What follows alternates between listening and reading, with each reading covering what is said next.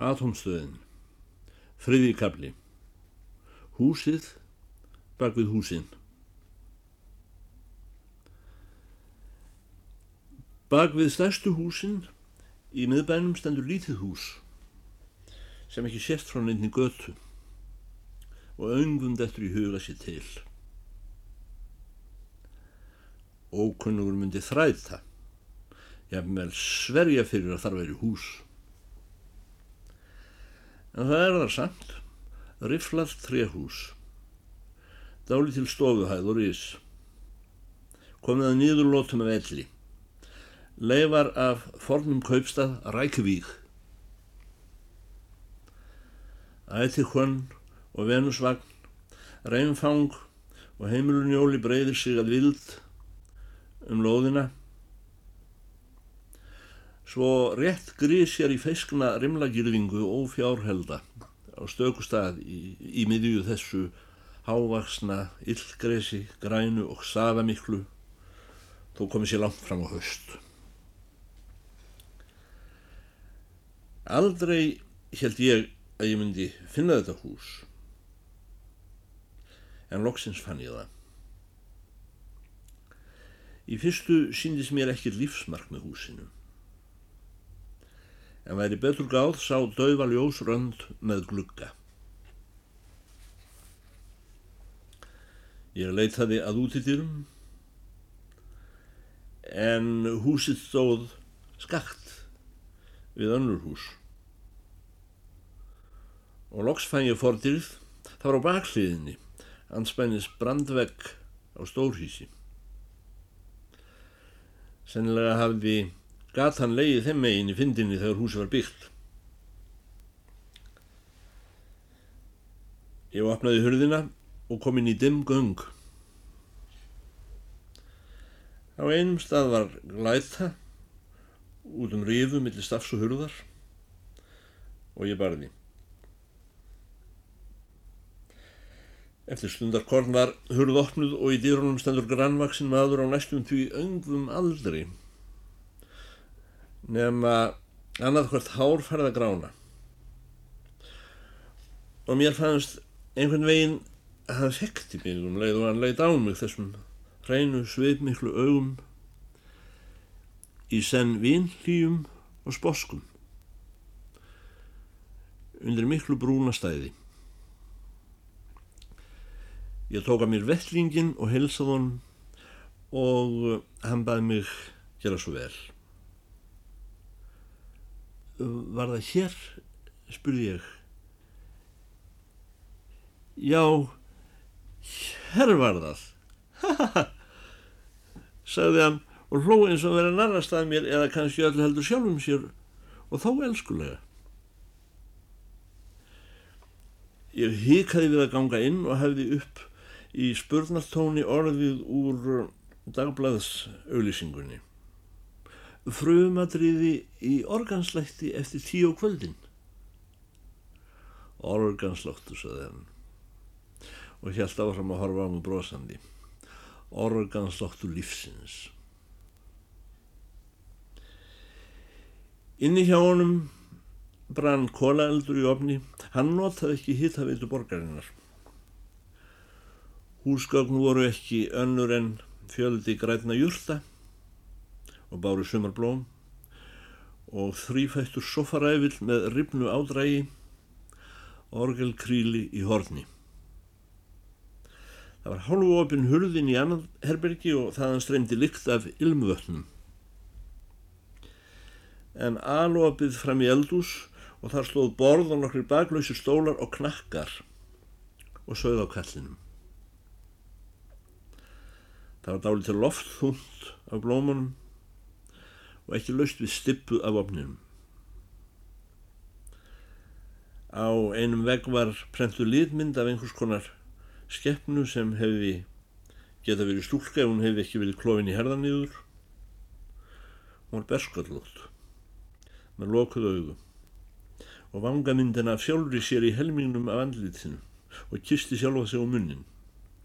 Ellefu fingur. Ég horfði hugstóla á myndina. E eru þér bóndastúlka, spurði hann. Já, það er víst, sagði ég. Til hvers ætli þér að læra orgel? Ég sagði fyrst að ég hefði alltaf hlustað á tónlist í útvarpinu en þegar ég hugsaði mig betur um fannst mér svarið of almennt svo ég tók mig á og bætti við. Ég er að hugsa um að spila í kirkjunni okkar heima fyrir norðan þegar hún er orðin til.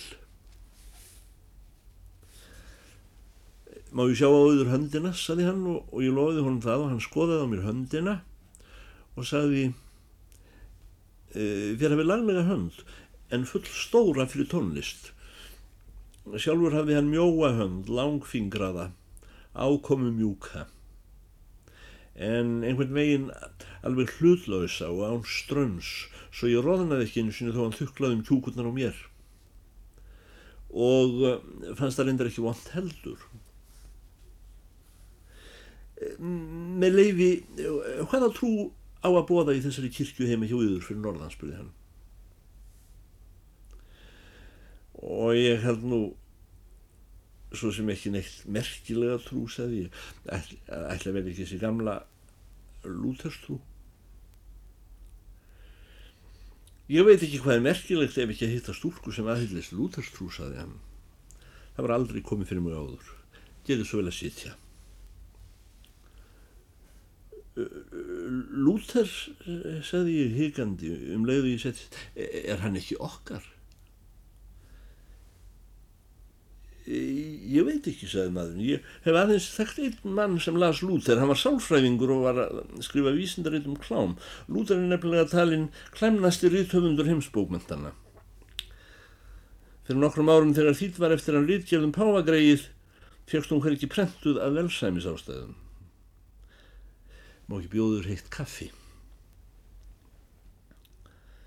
Ég þakkaði fyrir en saði reyndar að það væri óþarfi og bætti því við að kannski hætti ég að spila fyrir Lúthar skömmina úr því að hann væri þessi dóni og tæki þá ákvörðun að spila fyrir sjálfa mig.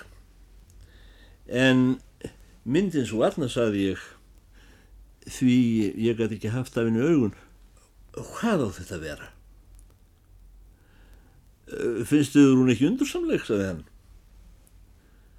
Mér finnst að svona get ég búið til sjálf ef með leiði á þetta að vera manneskja?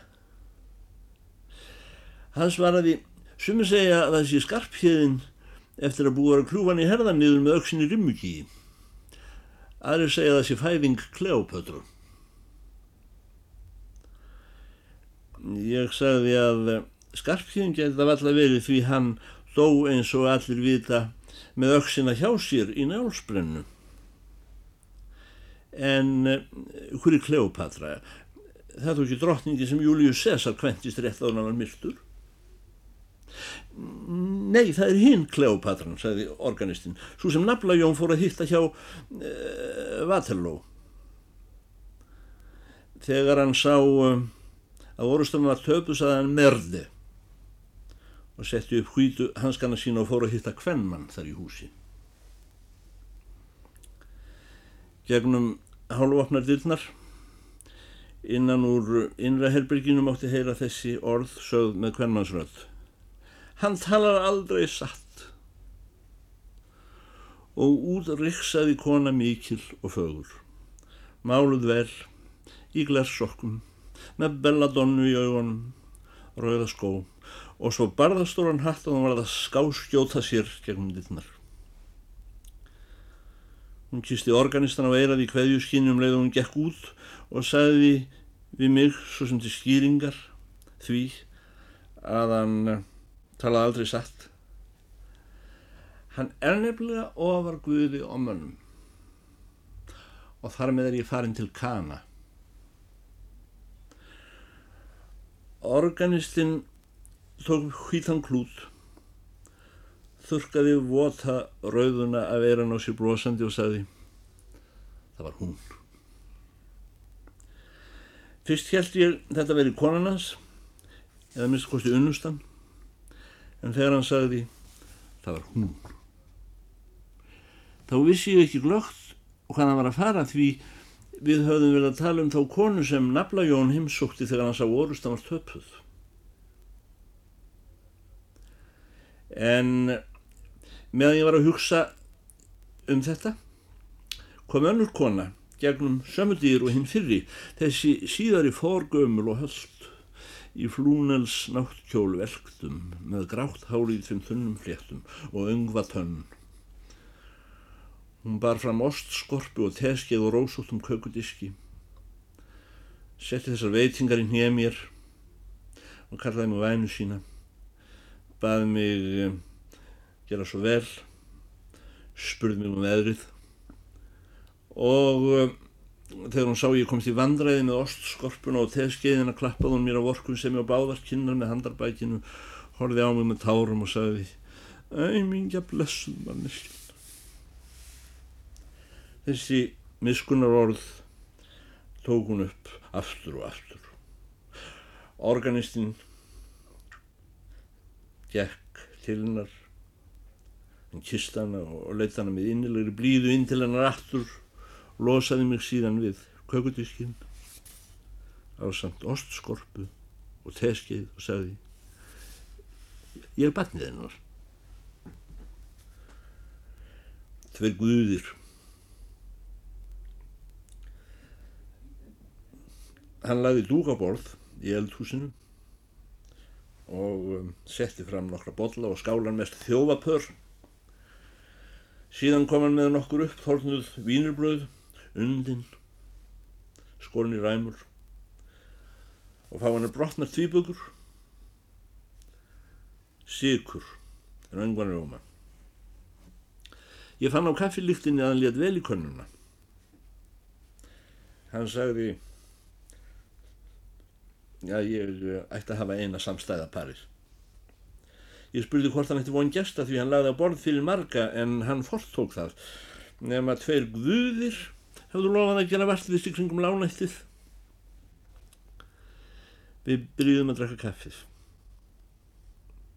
Hann held að mér fátæklegum bakningunum eins og gestri sinns veitakona en hlóað mér þegar ég gerði honum það til þægðar að smakka á því. Mikið var mjög færða langað e, kynnast svona manni. Að ræða við hann lengi. Spyrjast margra hlutabæðum um heiminn og, og aðra heima. Og þó einhverjum um hann sjálfan. Hver hann væri og, og hvers vegna hann væri eins og hann var. En um, var vist hún gömt hann. Það var hann sem tók þráðin upp aftur. Sem sagt ég hef einhvern tíma á daginn en þér eru velkomin sent á kvöldin eða snemma mótnana ég spurði með leifi hver er atvinniður á daginn? Hann sagði mig dreymir. Allan daginn? spurði ég. Ég fær sent á hlætu sagði hann. Má bjóðiður að heyra í glemt skratta hann fór í innra herbyggju og ég hyrði hann draga upp glemt skratta og nálinn fór að renna og það kom hljóð fyrst held ég skrattin verið eitthvað bilaður því það kom ekki með dunur og gingir skroll og skröld en þegar organistinn kom fram til mín aftur einlegur og svipin og sigri hrósandi eins og hann hefði sjálfur búið til lægið þóttist ég að vita að allt væri með feldu engu að síður svitnaði ég. Aftur og aftur alls konar skerandi hljóð upp úr murrinu og ég skildi allt í einu hvað hundur á sem heyri spila á munnhörpu frá Spangóla mér langaði til að orga og hefði að minnstakosti blásið frá mér og grett mig af organistinn hefði ekki settið hinn með við borðið helgi hljóður og uppljómaður. Nú nú, spurði hann þegar hann hefði stöðvað glimskrættan. Ég saði, ég, ég veit ekki hvað ég á að segja. Fannst þér ekki þér hefðu getað búið þetta sjálf, spurði hann. Jú, ég get ekki næta því ef ég hefði haft eh, nokkrar blikkdósir og, og svo sem tvo pottlemma og, og kött hann saði bróðsandi það er einkenni mikill að listar að þeim sem ekkert kann finnst hann geti búið þetta til sjálfur ef hann væri nógu heimskur. Var þetta þá fallegt, spurði ég. Eða hef ég svona ljóta sál? Okkar tími, okkar líf, það er okkar fegurð, saði hann. Nú hefur þið heilt dans eldstyrkara. Og í þeim töluðum orðum voru opnaðar útidýr og hófst mikið ferðalag inn gangin. En sparnavagni er ekkið í stofuna og ítur honum ungur maður, Guð nr. 1.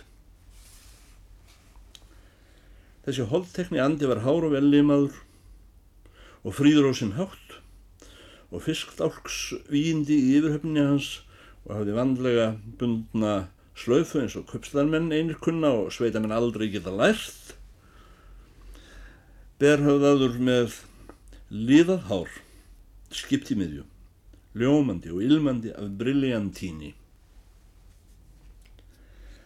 Hann kynkaði til minn kolli og horfi alveg á mig. Augun hafðu glóandi sting og brosti við mér hermdarbrosi eins og mann brosa fram í þann sem þeir ætla að myrða setna og beraði þessar fögru tennur. Hann óg barnavagnin inn á mitt gólf og reisti upp á meðal blómanna flatan langan hlut þrýhindan vafinn í pappir og bundum selgarni. Síðan gekk hann til mín og rétti mér þvala hönd sína og muldraði eitthvað sem mér heyrðist vera Jésús Kristur og mér fannst uh, vera á húnum fisklikt kannski hefur hann sagt Jens Kristinsson nema ég heilsaði á móti og stóð upp að sveita hvernig síð. Síðan gáði ég inn í barnavagnin og þar svá ekta tvíburar. Þetta er Guðinn Briljantín, saði organistinn. Þróttin minn að vera með þessi elsku börn úti svona sent, saði ég. Hvern mamma þeirra. Hún er sér í Keflavík, sagði Guðinn, það er kannaball. Börn lifa allt, sagði organistinn. Sem er halda að það fari illa fyrir börn með að missa móður sína. Það er miskilningur. Jáfnveg þó þau missum föður sín gera þeim ekki til. Hér er kaffi. Með leiði hvað er atomskáldið? Og hann er í Katiljóknum, sagði Guðinn. Og hvað eru 200.000 naglbítar, sagði organistinn. FFF, sagði Guðinn, New York, 34th Street, 1250. Öngvar nýjar háspeikiligar uppgötvanir, öngvar stóra dullspekiligar sínir, öngvar guðfræðilegar vitrænir, spurði organistinn. Ekki raskat, sagði Guðinn. Nefna þessi óli fígúra. Hann segist verið í sambandi við ástmög þjóðarinnar. Hann er með hórin niður úr nefinu. Hvaða stúlka er þetta?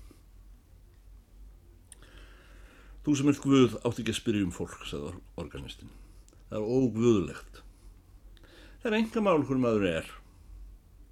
Og enn meira enga mál hvað maður heitir. Aldrei spyrði gamli guð hver er þessi maður og hvað heitir hann. Er Kleopatra orðin góð á legandanum, saði Guðin. Hvernig góð, saði organistinn. Ég kom til hann á spítalan, saði Guðin, hún var slæðan. Ég veit ekki hvað átt við, saði organistinn. Veik, saði Guðin. Maður verður aldrei ofveikur, saði organistinn. Hún æpti, saði Guðin. Kvöl og sæla eru tveir hlutir svo líkir að þar á milli verður ekki greint, saði organistinn. Mesta nöytt sem ég þekki er að vera veikur, engum mikið veikur. Þá heyrist sagt með ofstækisfullum guðurhællusvip í dýrónum. Það vildi ég færa nú loksins að fá grapa minni. Maðurinn var svo ungur að það var fílapinslitt á honum andlitið og ekki nema smávegis ló á vanganum æskumynda úrlendum snillingi, postkort eins og hanga fyrir ofan orgelið og sveitabægjum og fást á kroknum, Schiller, Schubert, Byron, Lávarður, fyrstir saman, með háraugt slifsi og fóruga skó. Hann leiti kringum sig með vofeflegum áreynslusvið mann sem gengur í svefni og sér hver hlutur, svo döður sem lifandi var hann æsilu dulsinn. Hann rétti mér langa hönd sína sem var svo lín að mér fannst ég geta krestan í maug og sagði Ég er Benjamin. Ég horfið á hann. Já, ég veit það, sagði hann. En ég get ekki aðeins þessi litli bróður, það er ég, þessi voðalega ætt kvísl, það er mitt fólk, þessi auðmörk, mitt land. Þegar var lesið heilaga rítningu, sað organistinn, og heilagur andi hefur upplýst á í lestrinu samkvæmt reglu vinnur okkar Lúthers þegar við fengið guðdóminn án milligöngu Pávans. Gjæðu svo alveg hafðir kaffisopa, atom skáld. Hvað er Kleopatra, saði Benjamin atomskáld. Sleppum því, saði organistinn, fáðu ykkur síkur í kaffið. Ég dá saman, saði atomskáldið og eh, ég þarf að finna hann líka, saði Guðin Brillantín. Hvað ætlum við lífið að dandalast með tveimur guðum, saði organistinn. Hún vil hafa sína þrjáttjuð menn. Þá gæti ég ekki orðabundis og sagði, nei, lítil fyrirmyndar ég í digð en svona laus. Látan hvern mann hef ég nú aldrei heilt getið um fyrir og ég lefi mér að efast um að slífa hvern maður sé til. Lausláttar konur er ekki til, saði organistinn, það er hjátrú.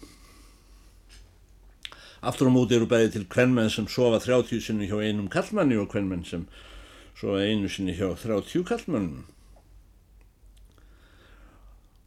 Og konur sem sofa alls ekki hjá manni, sagði ég, og átti í rauninni við sjálfa mig og var fann að svitna og sjá í þóku og áreðanlega orðin rauðnir á háls og stórlægileg manniska. Ágústínus kirkjufæðir segir að kynferðiskvöldin sé fyrir utan viljan, saði organistinn. Heilagur Benedikt svalaði henni með því að kasta sér nögtum í nettlurun. Það er ekki til önnur kynferðileg öfugneið en einlífi. Má ég fylgjiður heim, saði Guðin Brynljantín. Til hvers, saði ég. Það eru kanar á ferð á nóttinni, saði hann. Hvað gerir það til, saði ég. Þau eru á bussu, saði hann. Ég er ekkert hrætt við bussu, saði ég. Það er nöðgjöður, saði hann. Ætli þér að berjast fyrir mig, saði ég. Já, saði hann og brosti stingandi. En börn, saði ég. Benjamin getur farið með þau í kátiljóknum, saði hann. Ef uh, þú vilt skal ég berja Benjamin og taka á hann kátiljókin. Ég á alveg með að stela þessum kátiljók eins og hann. Ég fer að leita að Kleopötru, saði Benjamin atomskáld.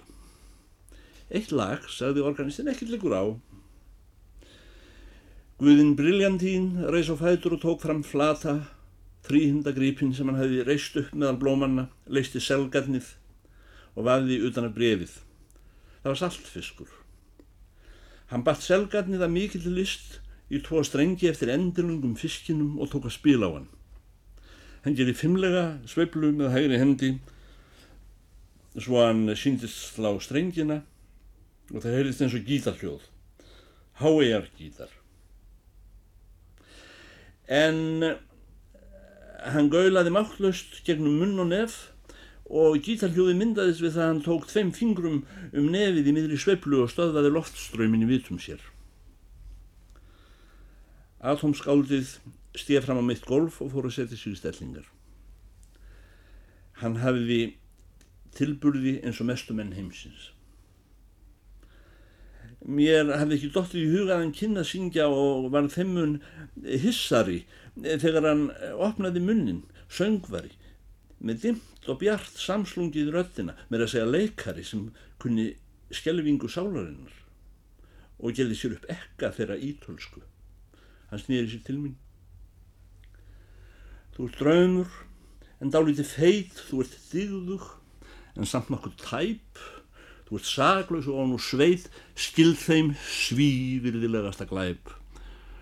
Og ég hata þig hér um byrju null jamt í hinsta sem alfyrsta sinn og ég brist til þín út, ég brist inn gegnum atóm og sól, jörð og tungl. Í eftirspilinu fer hann af tilviljunum í vasa sinn og það var eins og hann hefði verið með egg í vössunum og þau hefði brotnað og hann er því allur sluppugur á höndunum, var þetta leiklist? Nefn eitt var víst. Hann tekur til að draga upp úr vössum sínum einhver ósköpa penningum. Hvert segla knippið á fætur öðru, tíkalla, fymtíukalla, hundrakalla og fer á hann stundaræði og byrjar að rýfa penninganum þvert, börglar saman snepplónum og hendur þeim á gólfið og trafkar eins og þegar maður er að drepa pöldu. Settist síðan niður og fikk síkaretum. Guðin Briljantín held áfram eftirleiknum eins og lokið var. Organistinn hló fyrst álið elskulegan, tók síðan sóp á fægiskúf og hreinsaði gólfið, holdi úr fægiskúfunni í eldin, þakkaði fyrir söngin og bauð meira kaffi. Tvíburarnir voru vaknaðir og fannir að gráta.